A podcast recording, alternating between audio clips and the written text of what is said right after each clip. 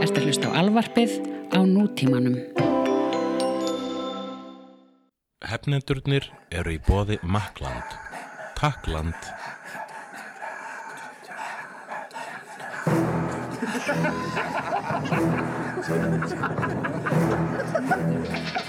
Halló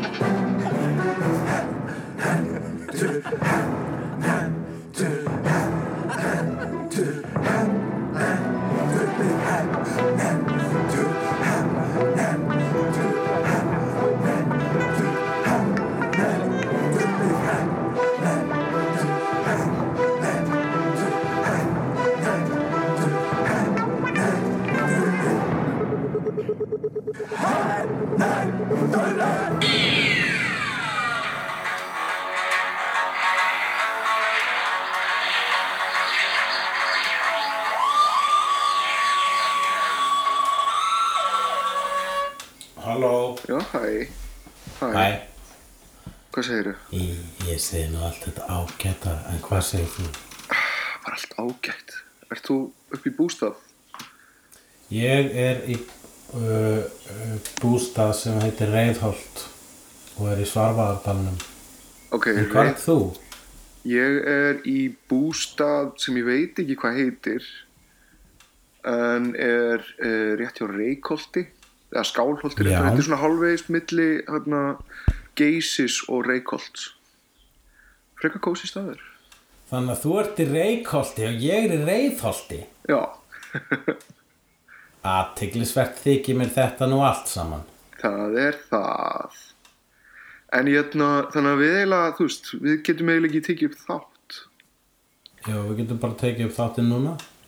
Ertu, ertu með upptöku í gangi eða?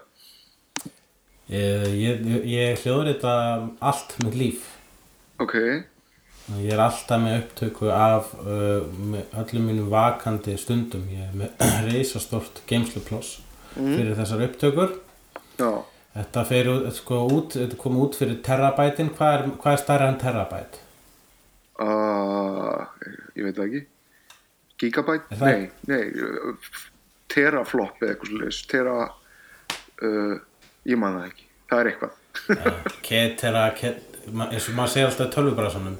Ketera, tera. Já En ég hérna, erðu já uh, En við erum ekkert með neitt undirbúðan Þetta er reyndar, ég var að hugsa um eitt sko Þetta er þátturinn Þetta er þáttur númer 54 Og vegna þess að Já.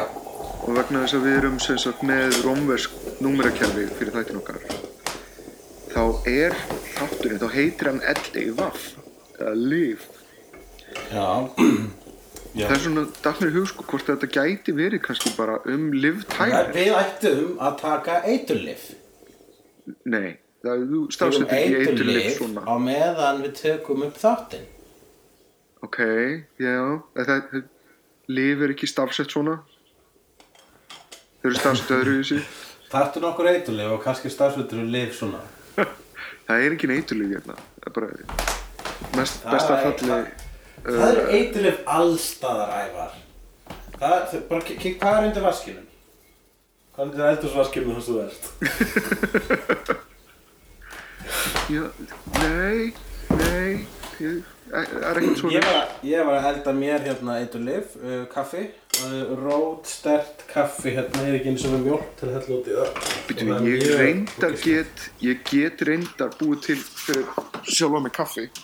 Það að færa mig hérna, það að færa mig hérna snær kaffivilni, þetta er svona, svona sensjóvél. Já, þegar ég var að fatta að ég fór alltaf, fór alltaf langt frá mikrofónunum bara svona, ég glemdi að ég átti að sitja við mikrofónin. Núna sitja ég við hann, heyr Ok. í mér. Það er, já, ég akkurat núna er að, að, að setja svona sensjó púða hérna í kaffivilna. Ég er bara að vera að hlusta hérna, uh, ég er bara að hlusta á London Philharmonic Orchestra Já. spila uh, tölvuleikatónlist. Ég hérna, er með eitthvað töfalda plötu Ok, af uh, sinfóníu hljómsveit að spila uh, smelli eins og Tetris og, og Angry Birds og, og Super Mario og, og Mass Effect og Batman Arkham hérna, Asylum og uh, og, hérna Call of Duty. Það var allavega eitthvað Call of Duty Modern Warfare það var mjög flott lagi því ég með það á heilunum. Ok, er, er, eitthvað, er þetta flott? Er, það, Já, þetta er mjög dramatísk og, og, og dram, mjög góða, flottar svona hetju dramatískar uh, melodýr. Já. Hm. Já. Er eitthvað svona standout sem þið finnst betra en annað? Mér finnst uh, hérna, Angry Birds lagið rosalega gott lag um, uh, og, en mér finnst leikurinn ógslag leðilegur. Uh, mér finnst síðan þetta hérna, Call of Duty, það er svona eitthvað svona hetju, eitthvað svaka Brothers in Arms, eitthvað svoleiðis tólist, svona svo- svolítið eins og í, The Rock. Hver gerir tólistina í The Rock eftir Mr. Bay? Ég bara veit það ekki. Er, er þetta Simmer? Já, nei, Simmer er miklu óhefnumari, Simmer er miklu meira svona næst í ambient. Þessi held ég að geta bara hafa verið Alan Silvestri eða eitthvað. Já. Simmerinn kann nú samt alveg að tear shit up, sko, þú veist. Ef, að- ef, að- ef að það kalla eftir því. Nei, það var kannski að kannski að vera Simmer, kannski að vera Sjór. En ég, hérna, já. En aftur að, að, aftur að þarna efni þáttarins. Já, eiturefni, ég meina eiturlif, vegna Nei. að Nei, það er bara eitt eitur líf sem ég dettur í hug sem er stafsveit svona og það er Liv ah, Tyler. það er, hvað það er? Liv Tyler. Oh. Ég fekk ekki tíma til að, ég fekk ekki tíma til að gera annan orðarleik áður en þú sagði Liv Tyler í annars skipti. Nú, ég ok. vissi því. Hva, hva, hvað var hinn orðaleikurinn? Ég ætla að koma með eitthvað svona uh, hérna, að við ætlum að tala um Liv sem er hérna stand-upið hennar uh, Tign og Taro sem heitir sko Liv er skrifað eins og live nema það heitir Liv þetta er mjög Já.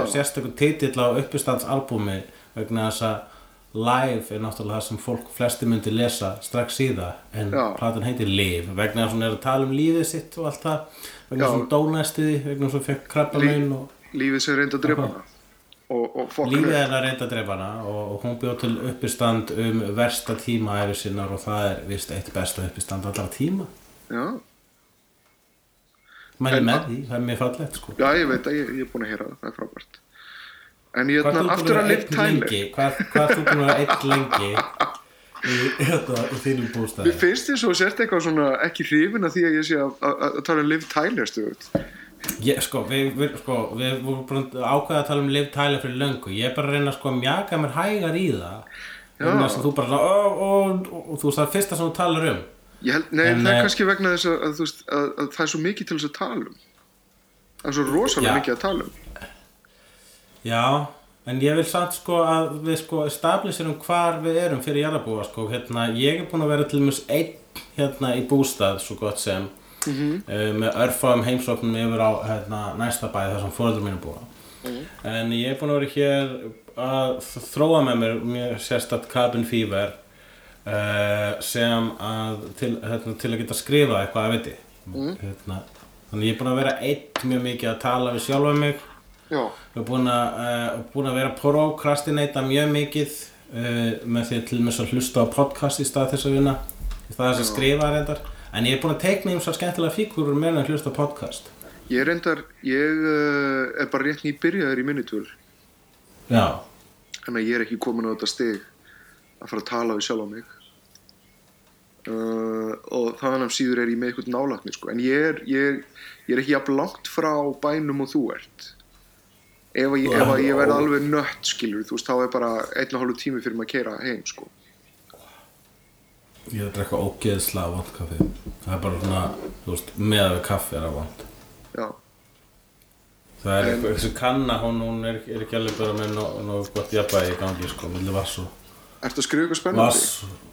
Uh, Ég er að núna að skrifa, er að skrifa snorræðu og ég er líka að skrifa einhverju svona sketsa ég, var að setjast að þarna kaffivélina, hún er að dæla út núna fyrir mig. Rjúkandi svona kaffi. espresso vél? Já, Hvernig ja, þetta er svona, að, þetta er ekki espresso vél, þetta er svona púðavél.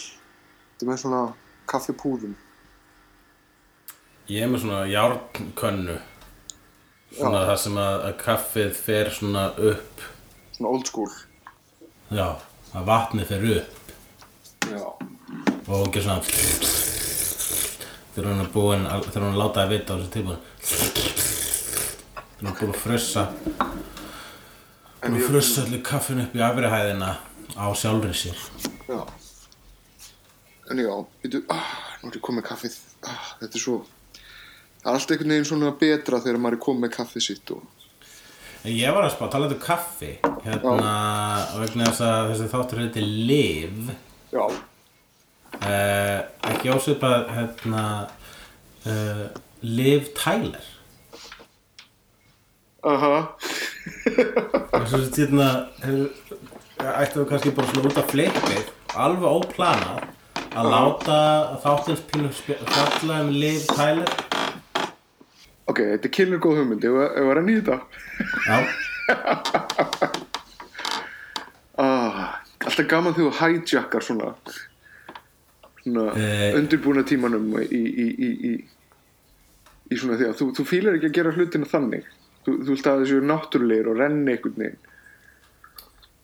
Já, ég- alveg síðan að þú sagðir gaman að hijackar svona þá er ég búin að reyna að finna nógu góð, góðan orðarleik þar sem ég get komið fyrir orðasambandinu oh, Hijack og einu sem ég dætt í hug var að ef ég væri persóna í The Room þá myndi ég vilja heita Jack svo að þegar hann Tommy kemur til mín þá segir hann Oh hi Jack Það er reyndar er, er, er hvað er að gerast að hérna, nýji þátturinnas er komin í loftið held ég á Showtime. Já, þú búin að segja hann um Nei, nei, ég er ekki búin að því. Þetta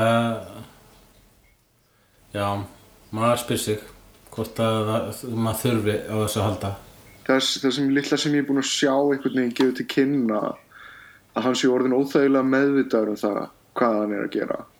Sem því það að allir magicin er horfin. Já, akkurat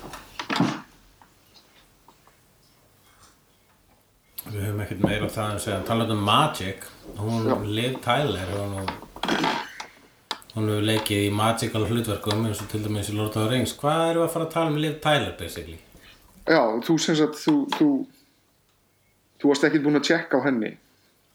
Nei, ég að er í netlega bústað Ah, sko, málið er uh, með hennar Liv Tyler er að hún er nokkuð skonar hérna hún er nokkuð skonar Kevin Bacon nördaheimsins. Næstu Ah. allar myndirnar sem hún hefur gert má tengja á eitthvað hátt við eitthvað svona nördadótt eða bara, þú veist það, það er bara eitthvað forvitunlegt að kíkja í gegnum fyrirlunar Ok, eh, en ég, ok, hvað er það, hvað áttu þá við, en þú útskýrir ekkert hversu er eins og Kevin Bacon. Þú erum með mjög ósveipu nef. Já, nei, það, það er talað um sem sagt, Six Degrees og Kevin Bacon. Og hvað er kvikmyndaleikur þar sem þú getur notað Kevin Bacon sem sagt, og reynd að finna hvaða leikara sem er og innan sex tenginga fundið tengingu við Kevin Bacon Ég veist þetta mjög skemmtilega leikur og nokkur sem er spilað hann og ég hef reynd að panta boardgameið á netinu en það er illfáanlegt en það var gert. Já, uh, en þau, þú, þarfst umverulega enga boardgame þú þarfst bara að nefna leikara og, og síðan það hafa er nógu svona extensive Já, reyndar, reyndar. En ég ætna En ok, þetta byrjar strax eiginlega með fyrstu myndinni sem hann leikur í allan á fyrstu myndinni samkvæmt uh, Wikipedia sem að er kvikmynd sem heitir Heavy sem ég veit ekki rassum og hef aldrei séð. En er skrifuð og leikstýrð af James Mangold. Já, við erum aftur Mangold. James Mangold er maðurinn sem að gerði þetta Wolverine. Já, betur við, ha, hvað er hann eiginlega gamall? ég veit það ekki, en þetta er frá 95 allan hafi ekki Og það er fyrsta myndin Young sem að- Já, það útskýrir líka hvers vegna Wolverine er svo svona 90s, það var svona 90s mynd. Já, og vegna þess, ég, vegna þess að ég er ekki reyndar með aðgangar netinu þá veit ég að það, það er einhver Deborah Harry sem er líka með henni. Deborah Harry, Já, Blondie? Ég er, ég er að velta að finna út hvort það sé Debbie Harry sjálf sko. Og Thurston Moore, hún sló Sonic Youth síðan um tónlistina. Þannig að þetta er, þetta er svona töffara mynd sko. Já, hún er frá 95 sann. Talandi um 90s, ertu búin að sjá þarna uh, nýju þættina hana Powers? Þannig nýju ofurhýttu þættina byggða á hennu frábæra myndasón Powers eftir uh, Brian Michael Bendis og Michael Oeming. Nepp, á eftir að sjá það. Þeir eru mjög 90s í útliti. Þeir væri alltaf flottir en það allt, lítur allt út eins og þessi gert í 90s Er þetta ekki bara cheap? Er þetta ekki bara fóru þeir ekki eitt af þessum svona effektafyrirtækju sem gerir effektin en vinnur ekkert í því að láta, þú veist, lýsingu passa við það sem gerist á skjánum? Basically, þetta lítur út eins og Buffy nema, það var alltaf lægum það var 90s og hérna uh, og uh, já, einmitt, það er eins og þetta sjósla ódýri þættir. Já, en það er Playstation sem maður er að gera á ok. Um, herðu, ég ætla að halda áfram niður hérna, listan Já, og uh, við erum með hérna Empire Records ef maður styrtir henni sem er kannski helst sem er kannski helst minnist að, að, Renni Selveggar er hérna að stíga sín fyrstu skref. Já, Ekki. Alltaf, ég held að hún hafi verið spottuð þarna sko. Já, það var svona mynd sem var svona eitthvað svona úlinga mynd sem að mörgum þóttu slá frábær sko. ég man að jafnöldurum mínum þóttum frábær. Já, Hún, uh, hún, var, hún er super 90 svipað og svona killar svipað tilfinningar og hérna I Can't Hardly Wait frá svipaðum tíma með Jennifer Love Hewitt, Hew- Hewitt. Right. og það, það er alltaf svona sama safn og svona einhverjum eh, 90s karakterum nema í dag ég veit, þetta er svona uh, já, þetta er þessar, þessar típur eru eiginlega ekki lengur til ok Herðu, ég glemdi einni mynd já, frá 94 sem heitir Silent Fall og fjallar um uh, strák með einhverfu sem eru vitni að double murder ykkur og þar eru Richard Dreyfuss John Lithgow og Linda Hamilton að leika já á mótinni já, hún Ok. er eitthvað ekki aðluturki, hún er ykkur ykkur hluturki erum við, erum við konið nokkuð í svona óþægilega upptalningu Þetta er mjög mikil upptalning, við erum bara ert að telja upp myndirnar og sér segja mig hverju því og hver, hver unnaði þeim. Já, ég veit En, að það er, eh, kannski, það er kannski svolítið það sem er heillandi við Það- það, það, þú veist, þetta er allar þessi tengingar þannig að maður þarf eiginlega pinlítið að tengja, svona, að lesa upp, sko En er það ekki bara raunin við ógíslega marga leikara? Mér finnst þetta bara sérstaklega eftirtæktavert í, í Ef við tökum tilfelli bara random annan leikara, myndum við ekki fá svipaða niðurstöðu? Ég held ekki nefnilega, vegna þess að, að, að, að sagt, hennar kvikmynda sagt, uh, listi af kvikmyndu sem hún hefur leikið í er bara alveg morandi í svona vísunum, sko Þannig að hún fer um víðari völl heldur en aðri leikarar, hvað svona, leikur hún í fjölbreyttari myndum eða eitthvað svona? eða bara einhvern veginn næli sér í þannig hlutverk, í k- þannig heim. Ég, ég er farin að hallast að því hún sé einhvers konar nörd, hún er náttúrulega dóttir uh, Steven Tyler, var, var konstum Já, ekki að því einhvern tíma miklu miklu setna eða? Herru, sko, hún var kostaði óslega seint og e- stutt og bara var eiginlega óleikur svo le leikur hún í því, ég er ekki búin að þekkja pappa sinn svo lengi, hún leikur hérna í myndbandinu Crazy með Alicia Silverstone hérna. Crazy, crazy, crazy I go crazy. Ok, og hérna og þá er þær, þær tvær stöllur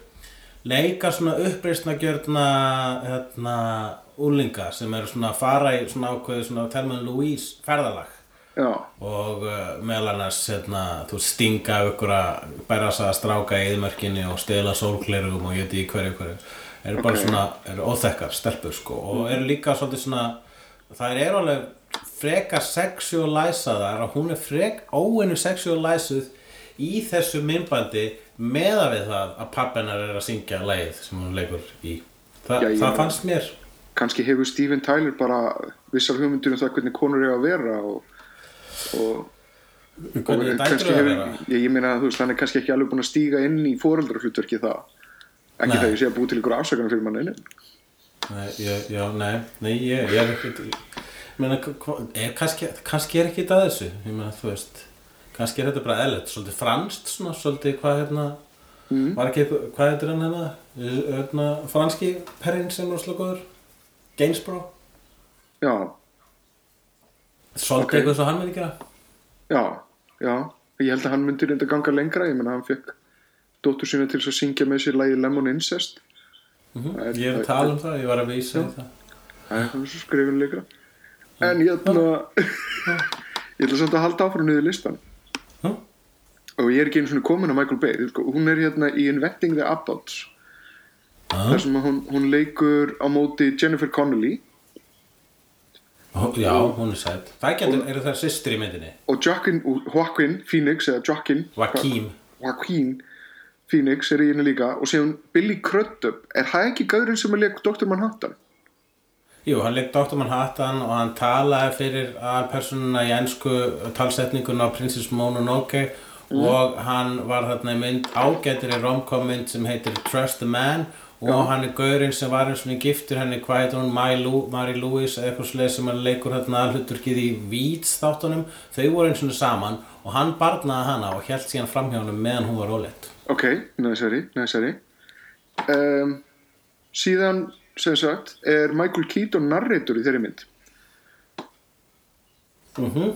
sem er framleitt af Ron Howard og Brian Grazer Já, ok, þarna tjekka ég mörg box þarna um hvað gerist í næstu mynd Ertu að tala um U-turn eftir Oliver Stone? Já, var, er það, hvað er það, fymta myndin hennar? Já, já, sjötta eða sjöunda skilur, þú veist, hún fær alveg tonna hluturkum einhvern veginn, hún mætir í Hollywood og bara raðar þeim inn á, á, á örskumum tíma. Ok, þannig að hún bara lendir í, sko, hún, já, hún er náttúrulega smá royalty, þannig að, Já, og le leikur í, hérna, mjög, fangar auga margara framleiðenda í þessu, hérna, tónlistamibandi.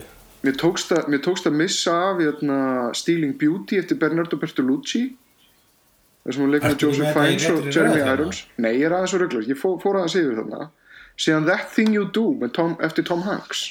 Við verðum að hafa þetta í réttir röð. Hvað, Ok. hérna, getur ekki, set, set, Já. set þetta upp þarna í... 94, já, Computer 94 program. þá er það Silent Fall hérna, James Mangold 1990, nei fyrir ekki Silent Fall með uh, með jötna með jötna Richard Dreyfuss og Lindu Hamilton og John Lithgow svona. Síðan kemur Silent uh, síðan kemur Heavy eftir James Mangold sem gerði The Wolverine. Síðan kemur Empire Records sem að það er nú ekki neitt voðalega mikið af vísun nema reynir selvökar síðan kemur Stealing Beauty eftir Bernardo Bertolucci. Þar sem að hún leikur svona, svona sexualisera típu og, og, og er eiginlega svona smellurinn hennar. Já, ég sá það mynd alveg tvísvar eða eitthvað, eitthvað hlutu vegna og er sérstaklega æðisleg held ég í dag en hefur þótt voru er svona flott svona sexy þá sko. Já, þetta er svona, svona vaselín og linsunum svona klám. Já, ég, já, ég, er Bertolucci, hvað, er hann mjög góða leikstur eða hvað? já, það ekki Hvað, hvað hefur, þú veist, það er síðasti keis, keisarinn. Eitthvað nýlega mynd þar sem fólk var alltaf í sleik eitthvað stær í íbúð í Róm eða eitthvað. Þú meina Last Tango in Paris? Nei, Dreamers eitthvað slags já, já, veitu, það var Eva Green var í þeirri, eða ekki? Eitthvað svona ný ný sætt og síðan eitthvað tveir strákar og eitthvað svona þrísam ég held að það hefur verið Eva Green Já, en við erum komin út á spórinu hérna, já. ok, eftir uh, Stealing Beauty. Þá gerur hún That Thing You Do sem er kvikmyndin sem var leikstir og skrifuð af Tom Hanks um svona Tom unglinga smellum Hanks. sitt. Já, það er skemmtileg mynd. Já, hún er svona leinir á sig Já, uh, you hérna, doing that thing you do. Lag. hann ekki lægið líka? Ég veit það ekki. Já. en jú, U-Turn. Hún er þarna 97 Veitu, hvað er hún aftur í U-turn? ég man það ekki, hún er í einhverju, einhverju svona sem sagt litlu hlutverki. Næstu því, Hvað er, næstu því er hún gesta. ekki mér, byrju, hvernig var það, þú veist, það er hérna uh, byrju, Jennifer Lopez er í henni, eða ekki? Jú. Jú. Jennifer Lopez uh, og Claire Danes. Já Átti einu svona þess að mynda D.O.D. ég er búin að gleyma, ég man að, sko, ég var fast John Voight frábær sem Indjáni sko, hún, er, hún, hún er í einhverju svona cameo hlutverki þarna. Og ég held að það sé vegna þess að hún og, og, og Joaquin Phoenix hafi eitthvað verið að- svona spjalla. Ok, allavega U-turn, það far, fullt af tengingum í gang, sko. Já, það er enda mynd sem Það- langar að sjá aftur það, er- það er mjög feitt spjald í, í 60 Degrees leiknum Já, guðminn ámáttu en- Við sem við talum Sean Penn, Nick Nolte, Jennifer Lopez Joaquin Phoenix, Powers Booth Billy Bob Thornton, Claire Danes og John Voight tónlist eftir Ennio Morricone og Robert Richardson tökumæðurinn hans hérna, tökumæðurinn Tarantino núna undanförnu og, og, og uppáhalds tökumæður Oliver Stone er þarna á, á kamerunni Já, þetta er líka óslega skemmtileg mynd Mhm. Hvað kemur eftir henni? Armageddon, Michael Bay Bruce Willis, Billy Bob Thornton Ben Affleck. Michael Clark Duncan og Steve Buscemi. Þetta er náttúrulega killer mynd. Sko út og kýr er meira að segja þeirri mynd. Vissur það að hún var narri- narrituð af Charlton Heston? Já, með minnir það að ég vissi það. Alla kemur að nákvæmlega ekkert óvart sko. Þetta er þessi mynd eitt stórt superrung og notabene J.J. Abrams skrifaði fyrir handriti. Já, bara, þú veist, auðvitað uh, Ég þarf að sjá Ég hef ekki séð Armageddon aftur sko. Verandi sko, Michael Bay uh, enthusiast assist uh, hérna þá skrítið maður hún hefur verið hans svona aðalmynd og við komum hérna á Criterion safnið sem er alltaf undarlega ráðgata og en það er en hún er svolítið hans aðal en mér, þú veist, hún er langt frá því að vera hans Michael Bay-aðasta myndin sko Já, hún er samt alveg hreskilur þú veist, uh, hann er þarna hann er ekki alveg búin að uppgöta þú veist, the power of the Bayhem sko. Þannig að hún eiginlega, hún meikar held ég sjónræknast í sens miða við til seinni Já, uh, fyrir, fyrir fólk sem er uh, ekki með einhverju. Ok, hvað kemur eftir Armageddon? uh, Plunkett and McLean Já, það er mynd eftir svon annara skottbræðrana en eftir svon Tony Scott? Já, ég man ekki svona hvers en, en það er jú, Jake Scott. Próduseraða meðal annars Gary Oldman. Þetta er eitthvað svona, svona Þetta er svona Highway Gentleman mynd, gerist í svona, í svona barakt tíma sem allir eru með hárkollur og vasaklúta og fara um að hestvögnum og þá er uh, eitt, ein helsta uh, svalasta glæbamannastjættin eru svo kallar Highwaymen Já. sem eru eins og postvaksræningar í viltu vesturinu. Og ég ræna fínt fólk í hestvögnum Það sem hann söngum hérna í Stand and Deliver Stand and deliver. Og það eru Plunkett and McLean sem eru uh, hérna, kærasti, fyrirhundi kærasti hérna, það eru Sick Boy og Bagby. Sick Boy og Bagby eru að, ræna svona vagna Já, og hún verður kærasta annar, annars þeirra og ég man ég sá hann í bíó og ég naut hennar mjög en hún fekk ekki góða dóma. Nei. Nei, hún eiginlega bara svolítið kom og hvarf.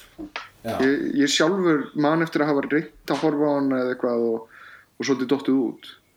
Uh, en ég, að ég get ekki fyrir mitt litla líf munað hvernig hún var eða hva, hvort hún var í góð sko. En held að með þessu power crew að baku sig þá, þá einhvern veginn mann hefði nú ekki þetta ímyndið sér annað en að, pappa Scott hefði farið eitthvað hann að baku tjöldin og hjálpað til við klippið eða Já, true that True that. Næsta mynd á eftir. Blöð það er, það er hérna, myndin uh, Cookies Fortune. Cookies Fortune. Yep. Cookies Fortune er eftir Robert Altman Já, byttu nú við. Og er með Glenn. Close, Julian Moore, Chris O'Donnell, Charles S. Dutton uh, og Liv Tyler náttúrulega og ég hef bara aldrei séð þessa mynd.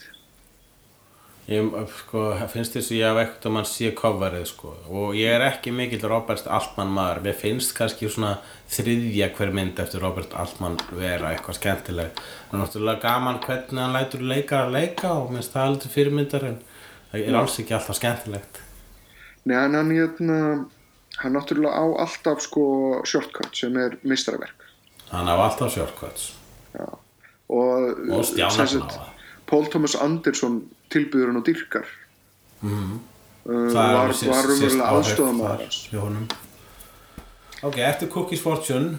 Já, Hvað er hún- marga myndir núna? ég, veistu, ég veit það ekki, það er bara það er slatti sko, en við erum ekki einu svona hálnaði með listan En getur þú talið svona kost?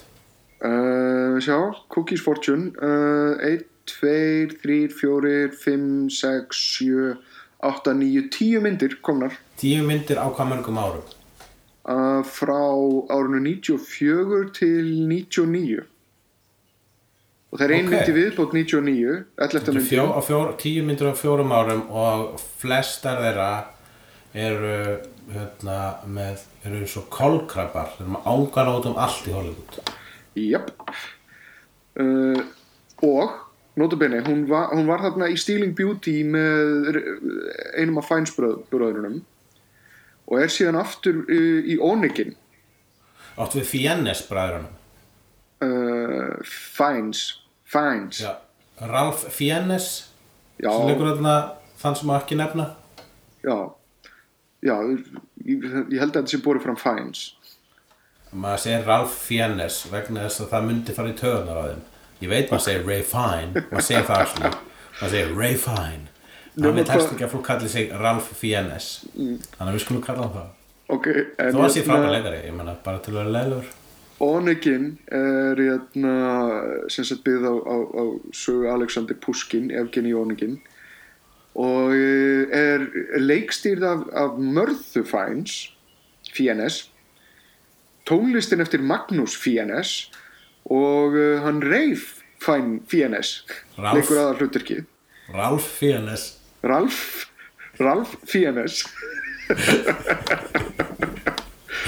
þannig að þetta er svona Fiennes production. Já, hann hljómar eins og Fiennesta mynd Já, fjænendestin hafið það. Jörna, já. Uh, nema hvað, hérna, henni Robert Altman mynd, önnur, Dr. T and the Women. Ói já, ég sé hana, hún er glötu það er með Richard Gere Helen Hunt, Uh, Furry Fawcett, Laura Dern, Shelley Long, Kate Hudson, Töru Reid. Þannig alltaf, þú veist, ef þú leikur í Robert Altman mynd, þá er bara tonn af einhverjum svona nöfnum sem að Já, byrtast. Ósjálfrátt. Þetta er allt sko, hérna, þetta fjallar mjög mikið um kon, þetta fjallar um einn kall og fullt, fullt af konum sem hann tengist á einn annan hátt. Ma, má, móður hans, eh, systrum, dætrum og hann er kvensjúkdómalæknir og, og, og, og, þú veist. Og uh, það verður eitthvað súper, eitthvað svona auðlarhróls tilgerð í þessu öllu saman vegna þess að þetta er allt svona einhver vangavelta um, um kynin og eitthvað svoleiðis og það er náttúrulega svo auðvelt að, að hérna, verða eitthvað neginn leim og maður reynir að fjallum slíkt alvarlega sko. En hérna kemur undir í ljós hvaðan, hérna, hvaðan Robert Altman er fjölhæfur. Er það að mig grunaði aldrei að þessi mynd var eftir hann. Uh, næsta. Býtið hans það er hérna eitthvað annar hinn í línunni þegar hans að svara ok, Jú, sæl Já. Já. Mhm. Já, ég hoppa aðeins með, ég ætla að kíkja á netið þarna á bakabræðurum Ok. Bye bye. Já, sæl já, hæ. Hérna, já, ok, það er fyrir að vera að sækja mig, ég þarf að fara, ætla að fara á, á, hérna, á bar, eða svona kaffhús sem heitir Gísli er ykkur helgi. Já, Vegna þess að ok. Hérna, úr svarðaðanum koma bakkabræður. ah, Og ég er að fara sagt á, á staðnefndan eftir þeim bara til þess að geta fara aðeins á internetið já, og svo höldum við áfram að telja fyrir Liv Tyler eftir það. ég veit það fyrir Liv Tyler er nefnilega alveg fárunlega massífur Þú veist þetta er mjög heillandi. já, ég veit það og þú veist, við erum bara rétt að byrja sko við erum ekki Já. svona konur í Lord of the Rings Ok, ég held Herðu- við ná, ég ná, ná að ta tala við þig á morgun eitthvað um þetta og þá er ég líka búin að, búin að velta fyrir mér því sem hérna, komið er. Já, og er búin að velta liv betur fyrir mér. Ok. Ég ætla að fá að ég setja upptöku. Já, ég er búin að byrja að setja upp til ok, ég var bara að setja upptöku. Smá smá uh, lækjarsprænu það er sko hérna í þessu bústað. Er sko bara beint úr læk í krana. Ok, Þetta er bara, það fær feitt læk á mér, þessi lækur. Fattar þau, vegna þess að læk, hérna, já ég var reyndar okkur að dosta því hvað hérna, kaldavatni hérna veri kaldara heldur en heima og svona ferskara. Já, þótt að það sé held ég ekki beint tengt í læk nei, en ég veit það ekki allavega Ég Þú fór ert nývaknaður? Já, ég er nývagnar, ég fór mér þess að sko á Dalvík í ger mm. á hérna Ég veit ekki hvort að, ég veit ekki hvort að þetta sé bara einhver, einhver hljómur í, hérna, í símanum mínum eða eitthvað en mér finnst þú alltaf kalla Dalvík Balvík með B.E. Já, það hlýtur að vera hljómur í símanum vegna þess að uh, ég hljóma ekki, ég, ég segi ekki DMB en ég er búinn að heyra mjög mikið af uh, kommentum með mitt uh, málfar og, uh, uh, og ta minn talanda undarfarið þannig ég trúi mér til alls. Og ég er búinn að missa eiginlega alla trú á sjálfum mér hvað var þar Já, bara hvernig ég hljóma. Ég er uh, sjálfströstu mitt er bara dottið nýra gólfið í þúsund móla. Hm, Hver er, hver, er, hver er svona að rífa þig niður? Einhver stúlka hvað hefur þið gert til að verðskulda það? Ekki neitt Ég er bara, ne, ekki, ég er ekki búin að gera neitt til að af slíkt Er, byrju, ertu, ertu í einhverju svona, svona andlegu ofbeldi? Nei? Ég held að þetta sé tæknilega eitthvað svona daður en, eh, en ég eftir eftir almennilega skilgrinni þetta ég mun gera það in hindsight Ok En ég hérna uh, talandum daður mm. Liv Tyler Herðu, Daðrar við mig erum við ennþá að tala um Liv Tyler? Mér finnst þess að við séum búin að tala um Liv Tyler af að eilifu ég, og, og, spur, og spurningin poppar fram í huga minn Who wants to live forever? Nú, uh, ég er hérna, það svo til að ég uh, komst í uh, net stutt Já. eftir að ég talaði við þið síðast og náði mér upplýsingar um Liv Tyler og jú, svo sannarlega uh, er mikill fótur fyrir þeirri kenningu þinnu um að hún sé eitthvað skona máttastólpi innan uh, leikara elítunar í Já. Hollywood hún er, hún er svona raunverulega eins og miðjupunkturinn í, í, í, í öðna, vagnhjóli það er bara allir, allir geislar uh, sem styðja við sjálft hjólið tengjast henni. Já, ég heyrði ekki alveg hvað það sagðir miðpunturinn í hverju? Í, í svona vagnhjóli. Í vagnhjóli, jú, jú, já, já, akkurat. Sérðu miðjan í hjóli. Já, uh, Góð myndlíking Hérna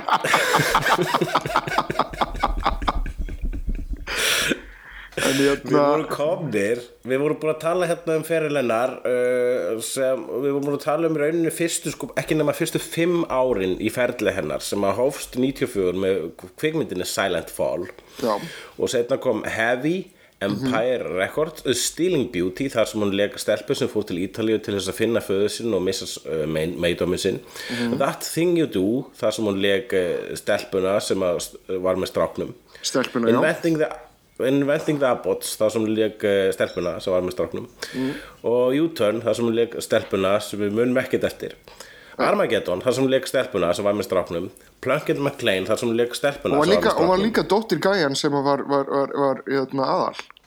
Já, hún var dóttir hérna, pappans og Já. kærasta Görsins í Armageddon. Ben Affleck og Eh, Bruce Willis þarna saman á einum einum, einum hlekk sko. Já og, með Michael eh, Bay að leikstýra Jú, jú, þetta er allt komið á reynd uh, Cookies Fortune og Onegin er mynd sem að enginn hefur nokkuð tímann heyrt um -hmm. og síðan Dr. T and the Woman þar sem hann leik sko ástkonu Kate Hudson og bráð þar út af vananum mm. en uh, Dr. T and the Woman er ein af uh, þeim uh, 95% kvikmynda Kate Hudsonar sem eru lélegar já, og uh, svo eftir það þá við stoppuðum þar.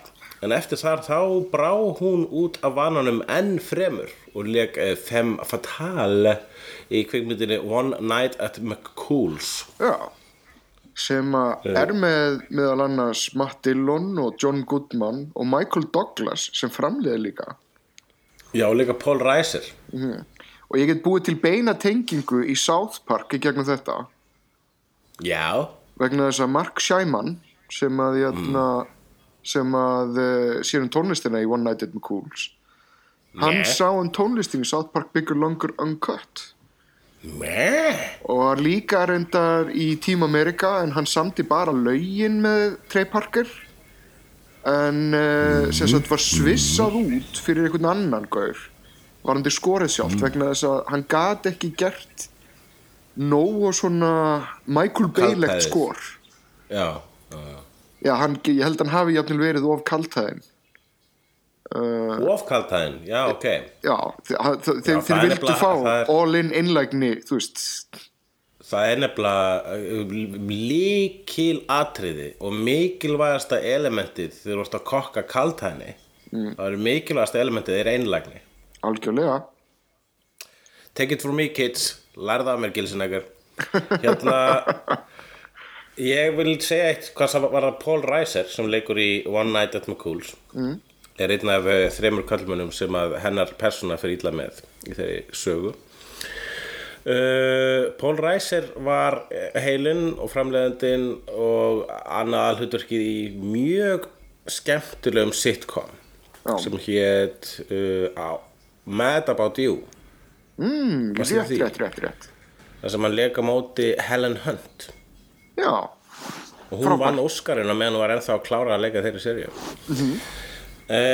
hvað var það um hana bæði vegi hún var í tísku í svona eitt ár var í öllu myndum í svona eitt ár og svo bara fór hún. Já ég, ég held nú leik reynda vændiskonni í einhverju mynd sem heit The Sessions þar sem hann var að sofa hjá fötluðu manni og átti að vera voða fallit á eftir að sjá það mynd. Ég held reyndar One Night at McCool's að Helen Hunt hafi átt að leika eitthvað hluturkinn hafi verið klift út. Já.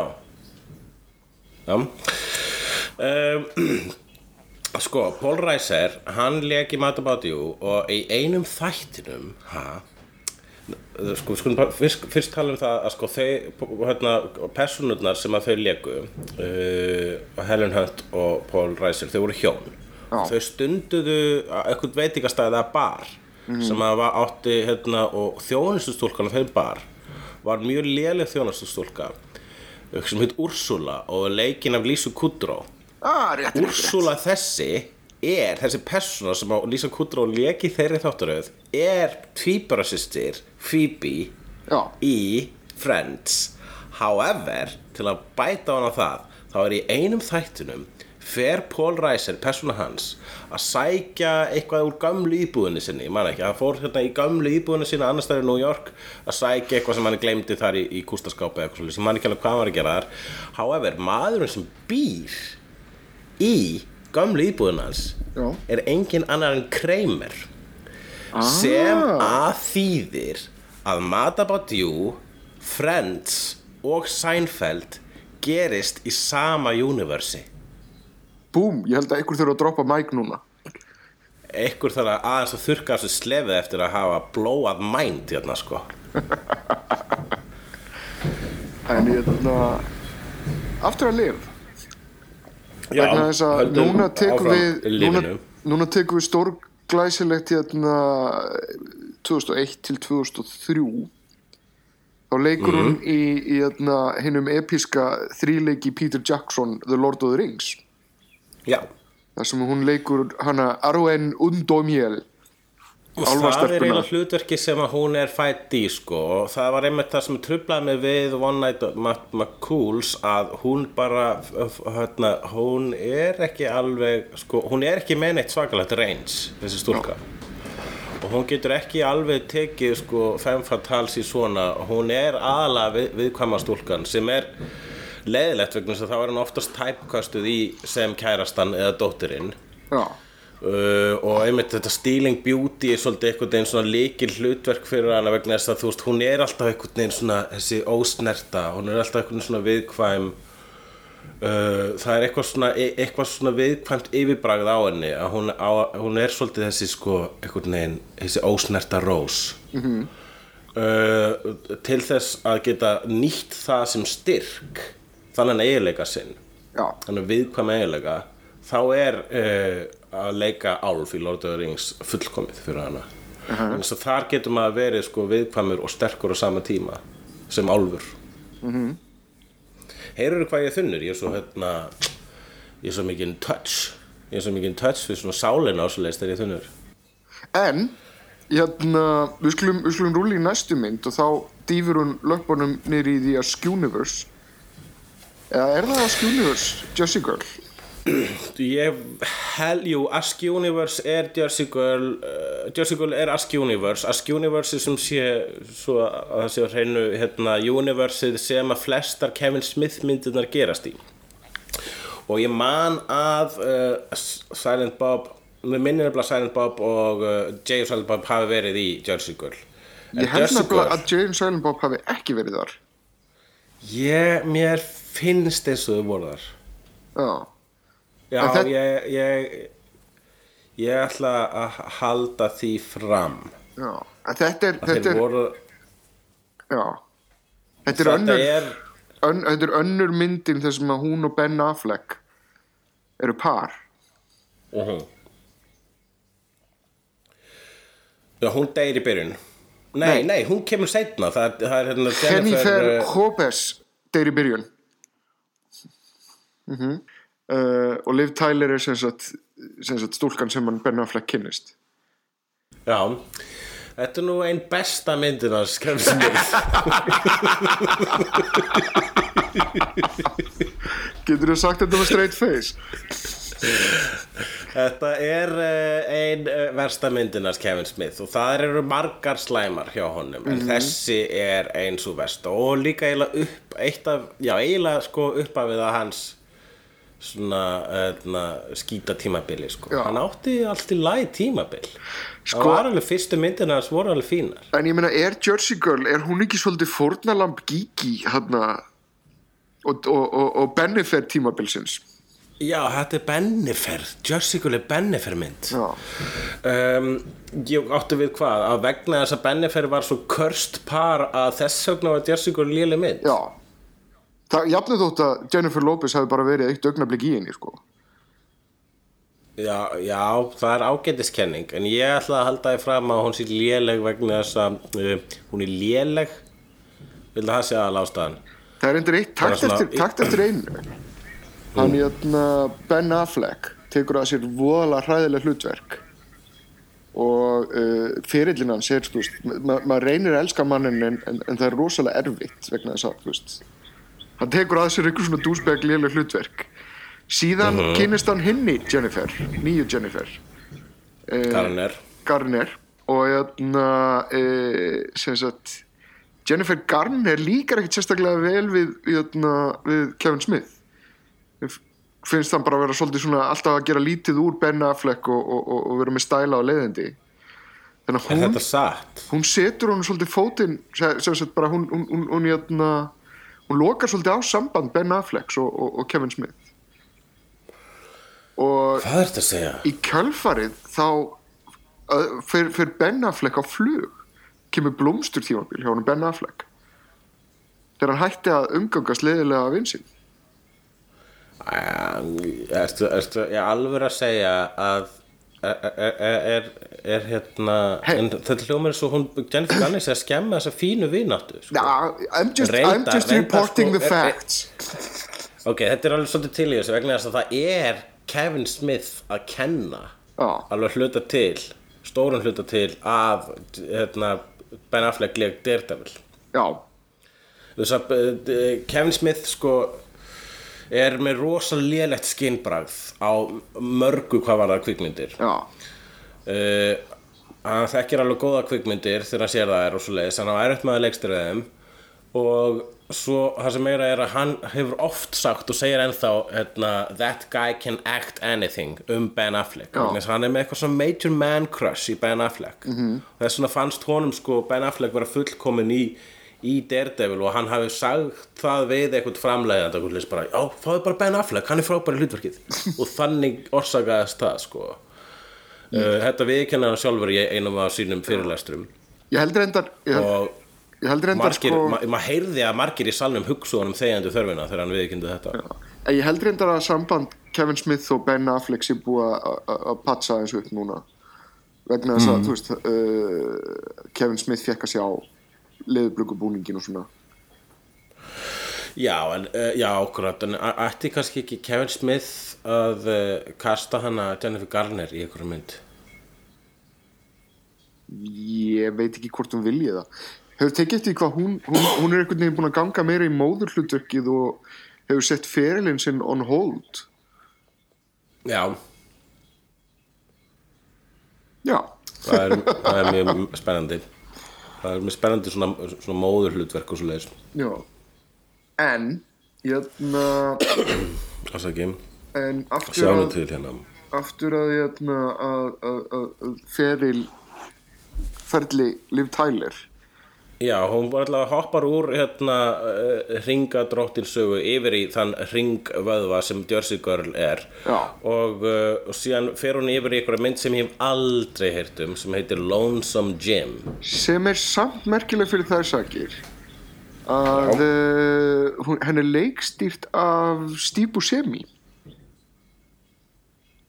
Já, Jepsi Jepsi Cola. Steve Buscemi sem hún kynnist væntalega á settinu uh, fyrir Armageddon. Já, allir það ekki? Og hérna, já. Þannig að, þannig að já. Steve Buscemi, leikstýrir Steve Buscemi síðan, talandi um Steve Buscemi hann er nefnilega hérna, uh, algengur leikari reglulegu leikari í kvikmyndum leikarans sem leikur aðhlutverki í næstu mynd Liv Tyler sem heitir Rain Over Me. Já, Adam Sandler er þarna e- í einu af sínum fáu alvarlegu hlutverkum og leikur þarna eitthvað svona fyrirverandi persaflóa uh, hermann sem er svona með post-traumatic stress og svona hálf eitthvað fallaðar fyrir vikið. -hmm. ég hef aldrei séð þessa mynd. Nei, hefur þú séð hana? nei, aldrei. Er eitthvað sem segir mér hann að sjá hann ekki. Já, Don Cheadle sem að sem að, hérna uh, er þarna stórkúslega leikari. Já, tók, tók við hérna á honum Terrence Howard í, í Iron Man fransæsinu War Machine. Og hérna sem sagt Adam Sandler náttúrulega. Þetta er Adam Sandler að reyna að vera alvarlegur uh, Hvað er, hvað er málið með Adam Sandler? Ég fyrstu vættum bara að hefa heilan þátt sem tölum um hvað er anskotunum er málið með Adam Sandler? ég veit það ekki Við erum báðir búin að hlusta núna á hérna, búin, búin að vera hlustandi á, á podcasti hérna, The Worst Idea of All Time þar sem er tveir nýsjálarski grínistar horfa á Grown Ups 2 einu sinni viku -hmm. og þess vegna heitir podcastið The Worst Idea of All Time já, uh, stórkoslega heitlandi og merkilegt og skemmtilegt podcast -hmm.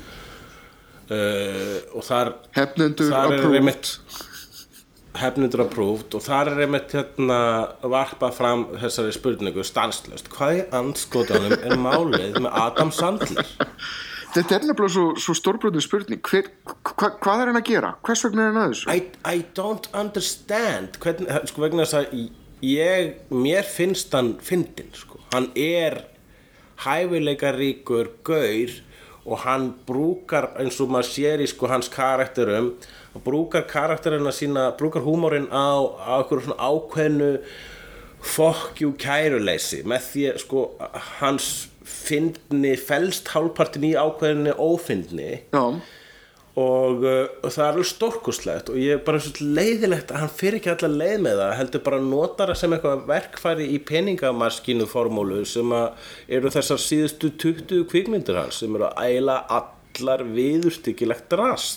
það, það, hvað er að gerast? það er eins og ég veit ekki, ég meina ég held reyndar að Funny People sé uh, ákveðin svona myndskreiting ákveðin intervention á hálfu John Apatow, gagvart á Malcolm Já, Sandler. ég, nefnilega, ég hugsa því mér finnst það næstu sko, svo næstu öskrandi augljó staðrind að Judd Apatow hafi gert nánast funny people nánast til að svona einhvern veginn pikka í öxlina á Adam Sandler og segja hei, þú ert betri en þetta þú átt vini hvað þykir og- væntu þig.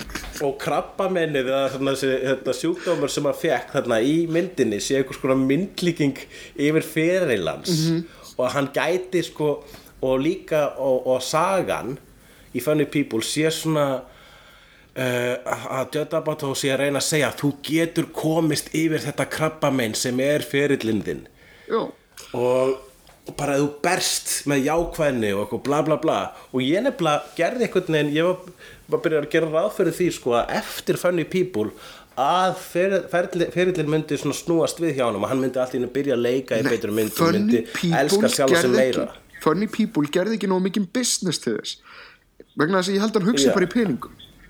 Hann virðist hugsa í peningum vegna þess að það virðist vera málið uh, bara Ups 2 og bara held ég marga myndir að það séu eitthvað skona skattasvindl. Þetta er eins og sko ég var eins og að lesa hérna, mjög mikið áhuga á lélögumyndum mm. og var að fann hérna uh, hafa búið að kjósa eitthvað staðar 50 verstu kvikmyndir allar tíma. Á þessum lista enduðu kvikmyndir eins og Scary Movie, Scary Movie 5 og Meet the Spartans og, og Epic Movie og svo lesmyndir Já, mér finnst þær ekki teknar með sem lélegar myndir þær eru beyond lélegar. Já. þær eru sko skattasvind. Það er ekki tekið ef að, ef að framleiðundunum er alveg drullu sama hvort að myndin sé slæm. Að þið séu bara að gera þetta til þess að geta einhvern veginn sett hagrætt bókaldinu sínu. Já. Uh, þannig og sko, og svo virðist sem að Grón, hann sé mér hann er að detta í þá átt. Þannig að myndirnir hans Adam Sandler eru orðnar svo lélegar að þær eru ekki eins og lengur teknar með að mínu mati sem lélegustu myndir allar tíma vegna þess að þær eru svindl. Þannig að þín kenning er svo að Adam Sandler er að mála hjá einhverjum mexikóskum dröggkartel til þess að þó peninga það er nefnilega sko, það er þannig lykt af þessu sko, bara vegna þess að það er engin ást -hmm. það er engin ást í Grown Ups 2 maður horfir á þetta bara svona þetta er mynd sem fjallar um fjölskyldur og, og, og, og svona eitthvað svona brómansa og svoleiðis en það neckbeard. vantar ástina í þetta og hvað? og neckbeard og neckbeard þetta er hver var með neckbeard í þessu? Kevin James? Nei, það var hérna, ég hétt ekki hérna það er svo langt síðan ég sá hana en var það ekki hérna busdræfurinn, hétt hann ekki neckbeard? Það hétt Neckbeard, ok, ég, ég er búin að hlusta tíu þætti á þessu podcasti og, og þetta er stórkostlega heitlandi vegna þess að hún er botlis pittur af gleimanlegum hlutum. uh, það er sko, talandi um Kevin James, Já. hvað er alls hvað málum með Kevin James? Sko, mér, mér, mér hefur aldrei verið takkilega illa við Kevin James fyrir hann gerði Paul Blart Mall Cop sem Já, að sko, við, við vitum við búum í raungum heimi þegar Paul Blart Mall Cop fær framhald en Judge Dredd myndin fær ekki framhald. Já, mér finnst nefnilega ennþá verða að Paul Blart Mall Cop fær aðteglina þegar Observe and Report sem er, er, er, er svona falið meistaraverk Já, og ég veit að það eru margir sem er að ruggla þeim myndur sama sem Já. komu hérna, tvær kringlulöggu myndir á sama tíma Já. en mér, það sem að hérna, það, ég reyna að horfa á Silver Lining hérna og hugsa að Paul Blart Mall Cop gerði Observe and Report að ennþá meira cool mynd Já, Þannig að mér finnst sko, ég, ég fær svona smá svona hipsterakill þegar ég er að horfa á Observe and Report þannig að ég er að horfa cool útgáfana á Paul Blart Mall Cop.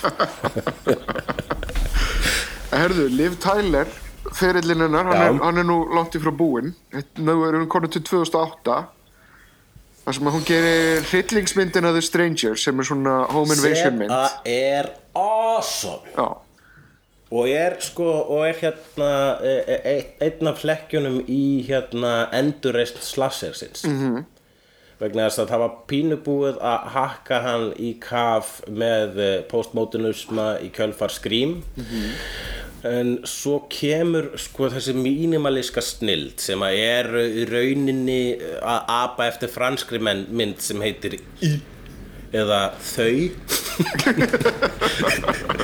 það er mjög skemmtileg flott slasirmynd fransk sem er svona fjallar um svona hérna, serbneska slasira sem heitir í ok. sem þýðir þau. Og Strangers er mjög mikið apa eftir henni en Strangers er fagurfræðilega æðri heldur en svo franska. Mm. og ég mæli eindriði með að fólk tekja á henni og horfa á það helst eitt Já, í húsinu sínu. Og síðan uh, sama ár gerur hún líka The Incredible Hulk þar sem hún leikur Betty Ross. Já. Betty Ross er ekki mín uppáhalds Marvel kærasta -hmm. Það er líka eitthvað en og hún er svo sem kjörin í þetta hlutverk vegna þess að það er þetta viðkvæma mótvægi við græna reyðarisann hún er svona bitbeinið milli Bruce Banner og, og, og, og, og hann að Colonel uh, ég man ekki hvað hann heitir Ross. Akkurat. Ha, Hún er þarna í þessum astnalega, fró- eh, hún er í þessum fröytíska ástaþrýrningu milli, milli græna risans og, og föðu síns. Mhm.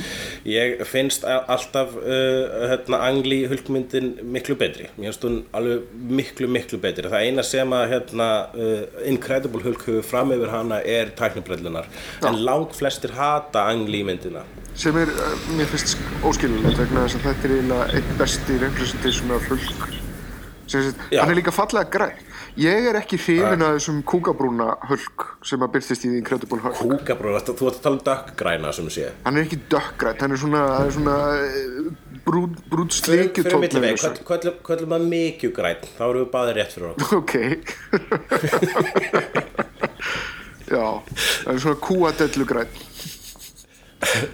Já, ég er hrifnari af dökka litnu vegna þess að, eh, en tækni, eh, bara eh, vegna þess að það, var er, aðeins það, er, neon. sko, það er greinilegt að, að það er eitthvað svona explosion í gangi vegna þess að símasambandið er orðið hræðilegt allt í hennu Já, það er óviður hérna megin ah, ég skil þig og ég er að fara að fljúa á eftir, mér líst ekkert á þetta. ok uh, þarf að vera með uppistand í kvöld. já herðu, Smother Smother er mynd sem er orðarleikur í titlinum og þetta fjallar um móður sem að kæfir, er það ekki? ég veit ekkert um Smother Ég held að það fjallar um móður sem að kæfir börnin sín, þetta er svona, ó mamma þú ert svo óþólandi mynd. svona, svona Svona, hérna, elektroduld ykkur eða, Nei, þetta er meira svona, þú veist, svona mynd um venjulegt fólk og venjulega fjölskyldur og eitthvað svona rugl. Svona leiðileg mynd. já, Þannig að við skipum hana og förum í aðra mynd sem að byrjar og endar á samasta ásmáður sem heitir Super. mm frábær mynd stórkosli Það er mynd frábær og þar fáum við bara feita tengingu í stærstu mynd síðustu ára sem er Guardians of the Galaxy enda er þessi mynd eftir engan annan heldur en James Gunn sem að leikstýrði Gunn. Guardians of the Galaxy sem að eh, já, er núna að stíga fram sem, sem, sem nördagóð hann er sérstaklega, ég Já. mæli með því að ég vingast við hann á Facebook eða follow hann vegna þess að hann sér sjálfur um Facebooki sitt og, Já ok, ég held ég, ég, held ég gera það já, og dettur síðan í það stundum að bara einfallega svara á öllu spurningu sem byrtast Æðislegt þannig að hann er, hann er, Hann er svona, ég var að hlusta aðgengilegur. podcast þar sem að hann og bróðir hans og Michael Rooker voru í sérstöðum Guardians of the Galaxy special af uh, hérna, Dog Loves Movies Já, það var annað frábær podcast. Uh, Michael Rooker er uh, greinilega jafn, uh, hann, ég held að sé Michael Rooker samkvæmt þessu þætti er eins og hann sé fullur þegar hann er edru Já. Ég held að það sé bara svona alveg, alveg, alveg ágætt lýsing á hann vegna þess að Já. Þeir reynda sko það mann man, einhvern veginn tekur öllum manneskjum sem að fara upp á svið hjá Dog Loves Movies uh, með fyrirvara vegna þess að, að fólk er vanlega út úr reykt. Já, ég veit það, Dog lætur alltaf reykja áður en að hérna, áður en að þau fara svið sem er sko Já, sem er ræðilegt já. Hann hérna Chris, eh, Captain America hérna uh, þegar hann mætti þá var hann svona við það bara að, að, að líði, yfir, líði yfir hann reglulega Já, Sara Silverman mætti einu sinni og bara Sorry, ég náði ekki alveg því sem þú veist að segja vegna svo lætum alltaf reykja svo mikið að vera að kemur svið hérna. Og ég er hasshaus. Þannig að þú veist, hann er hann er endar sko eiginlega pínu einn af sko uh, krónprinsum hasshausuna í bandaríkjanum uh, var bæði með kvikmyndina Super High Me það sem að uh, var eins og Super Size Me nema aðeins heilbreyðari þrátt fyrir að hann eiti allri myndinni í það að vera friðin Já, Uh, og svo er hann með sitt, sína YouTube stöð þar sem hann er meðal annars með þáttinn Getting Dog with High þar sem að hann all á hérna, sem hann uh, reykir í beinni útsendingu ásend frægum gestum. Gerir það alltaf klukkan hvað er það? fjör, er er, eitthvað- er ekki fjör 11 eða eitthvað, fjör 20 4.20 vegna þess að það er eitthvað sem tengist THC eða eitthvað svo leiðis fjör, Nei, það er eitthvað 42 ég held að það sé, sé einhvers konar eiturlifja kóði sem sagt að segja það sé kóði hjá lauruglunni yfir, yfir gras. Ah, ok, og þess Eh, vegna held reykja ég, til klukkan held ég, ég bara, 4.20 ég bara, ég, ég, ég kynnt mér þessi fræði. Já.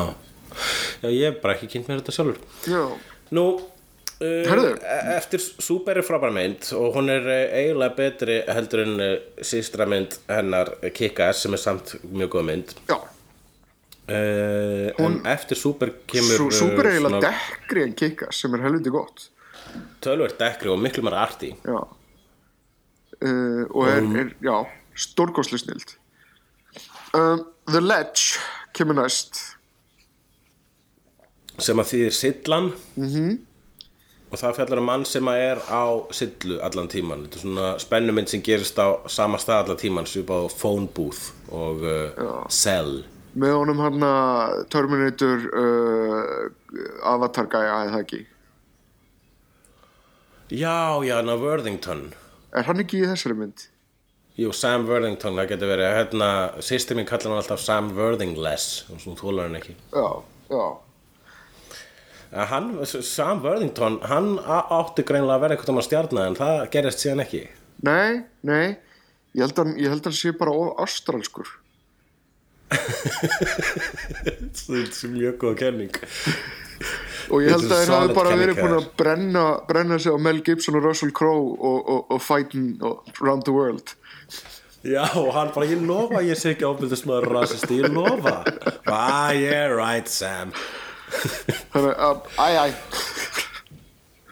Uh, Já uh, Nei, veistu það, ég veit ekkert um The Ledge uh, vegna þess að þegar að, hérna, það, sló út hjá mér áðan þá misti ég hérna uh, það sem ég var með tilbúið sem sagt, ópið Það er alltaf leið Og eins og við ætlum að tala um miklu skemmtilegri mynd næst. Já, sem að nú and komin Frank. til ársins já, 2012 Robot and Frank. Þessa mynd sá ég á síðust ári. Hún var kom út á síðust ári. Nei, hún kom 2012 já. Uh, en ég sá hana síðust ári. Og hún var mjög falleg mynd. Ok, getur þú sagt mér eitthvað frá henni? Ég hef bara aldrei séð hana. Þetta er mynd þar sem hann hérna, hvað heitir hann, Frank Langella. Besti, besti Drakulan hann Gaurinn hérna... sem draf Mozart. Nei, það var ekki hann sem draf Mozart. Nú, F. Murray Abraham sem draf Mozart. Rétt, rétt, sorry. Um, Frank Lagella uh, var hérna, hann var Nixon. Já, í, í Frost Nixon. Já, já, og það, hann, hann leikur sko fyrrverandi demantaþjóf sem er orðið svona gamall og kalkaður. Og börnin hans uh, kaupa ekkur, ekkur, uh, börnin hans kaupa handunum dóttir hans Liv Tyler ef ég mann rétt. Já. uh, kaupir handunum vélmenni sem að er, ta, sem er svona, svona þjónustu vélmenni sem heitir bara robot Ok. og hann hérna Skarsgård uh, nei Sarsgård Peter Sarsgård, hvað heitir hann? Ég, ég veit ekki Hérna, ekki Stellan Skarsgård heldur Sonur hans. leikarinn sem er sem, nei, er ekki sonur hans einu sinni hann heitir samt Sarsgaard og held ég að heiti Peter Sarsgaard og leik þarna í, í Garden State og uh, Green Lantern og uh, og Ok, fýll what- leikari. Hann, tal, tal, hann tala fyrir vélmennið og gerir það af uh, monotónískri snild Mm. um, og máli er það að þetta það er, það er alltaf nokkur ljóst að það, þessi gerfigreind uh, sem að velmenni býr yfir er algjörlega persónuleika laus. Uh, en það er það sem er svo heillandi við svona velmennamyndir. Já, það er það að, hérna, að það er alltaf verið að spila við hérna, þetta konsept er gerfigreind líf? Og jafnvel þótt að gerfugreindir sé alls ekki jafn þróuð og mannsgreind og er bara svona einhver basics þá finna maður alltaf til með vélmenninu jafnvel meira en maður finnur til með uh, manneskinni og reyndar er þessi mynd frekar lágstend og það er ekki neitt svona atrið þar sem að velmenni er lamið. Mér langar svolítið að tala um það vegna þess að síðan að ég heyrði ég sá bara fyrsta Chappie trailerinn. Mm. fyrsta Chappie plakatið Chappie, nýja velmennamyndin hans Neil Blomkamp. Þá var svona lítill kvíði búin að myndast í mér og er ennþá yfir að sjá þessa mynd vegna að ég veit að það er atriði í Chappie þar sem svona vondikallar er að lemja velmennið með kilf ok, vegna þess að þú vilt ekki sjá gerfigreind verða fyrir ofbeldi? Ég, ég meika þannig atrið ekki Ég meika ekki þegar þú veist ráðagóð róbótin er lamin. Ég meika ekki þegar nein vélmenni eru lamin. Jafnvel þóttu finn ekki sársöka Já. Ég finn svo mikið til með þeim. Já. Það er eitthvað Ég held að sé eitthvað sálfræði bak við það. Ég held að það, það hvað, að hvað, sko hvað með þegar að hérna, hvað með þegar Terminator er í hérna, pressu? Stálpressu ykkur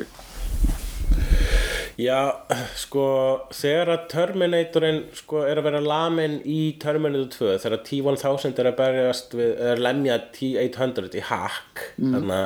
með stálbitunum og því já, þá fann ég ekki, ég var, það var ekki absárt vegna þess að það var vélmenni að lemja vélmenni. Já, en það er eitthvað við sko, ég held að sé ákveðin sálfræði sem að er að hérna, klífa inn fyrir, eða skrýða inn fyrir mitt skinn uh, þegar að ég sé sko mannfólk vel, lemja velmenni vegna að það er svona eitthvað auka hatur í því Já. mér finnst það hérna, mér finnst svoleiðis atriði vera einhvern veginn fullkomin myndhverfing á hatri mannkins vegna þess að þegar að menn er að lemja minni hlutahópa hvort sem það eru hérna, múslimar eða homar eitthvað svo leiðis þegar maður sé svo leiðis einelti það er svo, það er svo sárt að sjá sko manns ein e, dýrategund fara svona með sjálfa sig. Já en þá ertu bara Það- þá ertu svolítið í svona svo, smá vesinni vegna þess að uh, það eru tvær mjög spennandi gerfigreinda myndir að koma. Ein uh, vakti aðtegli vegna þess að sagt, uh, það koma Tinder einhver persóna sem að hérna, já, já, hérna Machina. á South by Southwest. Og það er sem sagt það karakter úr Ex Machina og það var sem sagt einhver bot einhver svona tilfinningabot sem gætt tjáð sig og, og, og, og tala við fólk. Og Já. síðan er það náttúrulega Age of Ultron. Já, Ultron er náttúrulega Ég- ultimate. held ég mun ekki sérstaklega mikið finna fyrir uh, til með Ultron þegar, afhendislega mjana það er vegna þess að hann, uh, hann er uh, vondikalli Já. En það er, sko, það sem ég reyna að segja er það, sko, að þegar að, hérna, ég sé til dæmis menn landa af öðrum mönnum í bíómyndum, mm. það fer ekki jafn mikið í, hérna, skinni mitt og þegar menn vel, lemja velmenni, vegna þess ég held, sko, að það er einhver hluta mér sem að, sko, fjarlægir, sko, það að sjá menn lemja eitthvað sem að þeir vita er ekki mennst en að gera það samt af hatri það finnst mér vera fullkomin myndhverfing yfir hatur mannkins á minnihlutahópum eða þú veist í rauninu hatur mannkins á sjálfur sér. Og þess vegna líður mér svona illa þegar ég horfa á það sko. ok, e, e, þetta er eitthvað sem er búin að kvíla lengi að minni hjartum og lengi langur til að tala um í hefnundum og nú er ég búin að því. Ok. Næst 2014 kemur mynd 2014 sem ég langar mikið til að sjá ég er búin að sjá trailerin úr henni og hún lítur út fyrir að vera skemmtileg sem er svona einhvern veginn green retro game mynd sem heitir Space Station 76 Já, hún er einhvern veginn, hún er svona, sem sagt, leikstjórin fekk til sín einhverja vini til Já. að jæna, spinna texta heima hjá honum og semur sem sagt handrit upp úr því. Já, og líta, lítur út fyrir að vera frekar látlega smynd líka sko. Já. En það jæna, lítur út fyrir að gerast ekkert í þessari mynd. Ég held að það sé bara fólk að hanga á geimstöð. Já, ég, ég, ég ætla þetta sé kannski bara svona game-útgáðan af, af, af C-Lab. að síla C-Lab, Já, Sea-Lab. Já, Var það teiknumyndir? já, Svo voru svona grín teiknumyndir já, Adult Swim? Já. Já. Næsta mynd Jamie Marks is Er- dead. mynd sem ég veit ekkert um, aldrei hirt um hana. Ég, það, það eina sem ég veit um hana er það að hún, henn er leikstýrt af Carter Smith sem gerði The Ruins. Já, hérna hryllingsmyndin. Hryllingsmyndir hana með, með alls konar væns í einhverjum ynga píramíta Já, ég eftir að sjá hana, ég heyrði það sé góð splattir í henni. Góða Hún limlestingar hún er nefnilega drullu góð sko. Þannig ég er forveitin að sjá hvað hva, hva, vegna þess að ég er ekkert búinn að sjá síðan þá sko Nei, ég, já það Jamie Marks is dead, já, ok, er þetta þá hryllingsmynd? Hmm. Þessi Jamie Marks. Ég bara veit ekki, ég veit ekkert meira um þetta mynd heldur en þetta. Nei, við erum nefnilega komin svolítið, hérna, nú er botnin dottin úr uh, tunninu okkar vegna þess að það ekki er alveg, ekki, ekki Jú, það alveg er smá afgangur. Uh, skemmtilegt nokk, afgangarnir The Leftovers. Újú. Oh, þetta er í annað skipti sem að hún leikur mannesku sem uh, Abbott eftir nafn. Já, það? Merkilegt. En þetta er HBO sjónvarserja sem að Damon Lindelof og, og, er, að, er að stýra og er svona er, ég á eftir að sjá hann ennþá. Byrju, lék ekki Jennifer Connelly með henni í Abbott myndinni? Uh, Inventing the Abbotts. Jú, Jú. Þær hafa leikið saman hlutverk Jennifer Connelly og Liv Tyler. Uh, Betty Ross. Betty Ross. Já. En ég vil meina það að þetta, þetta bara staðfesta það sem ég voru að segja í upphafi. Liv Mm. Tyler. Bara hún er einhvern veginn svona já, kjarnin í, í, í nörda Hollywood. Hún er Kevin Já. Bacon uh, nörda heima ég held að það sé að finna tegningar við, við hana í gegnum alla leiði sko. Ég veit ekki alveg nörda heima að Kevin Bacon er alveg jafn mikið nörda heima og, og hún. Já, reyndar, reyndar. En Ég held hún sé bara Kevin Bacon með píku. Já, ég held, ég held það, það ég held að það getur er, bara ba verið hún er Bacon með píku. Bacon með píkur sem hljómar eins og einhvern veginn fullkomnastu hlutur í heimi en líka grotesk. Já, Bless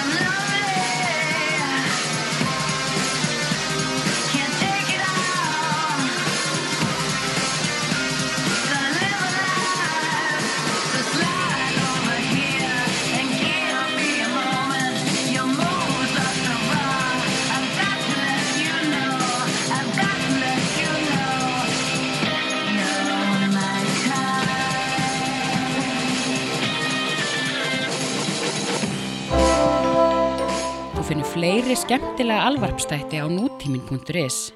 Takk fyrir að hlusta.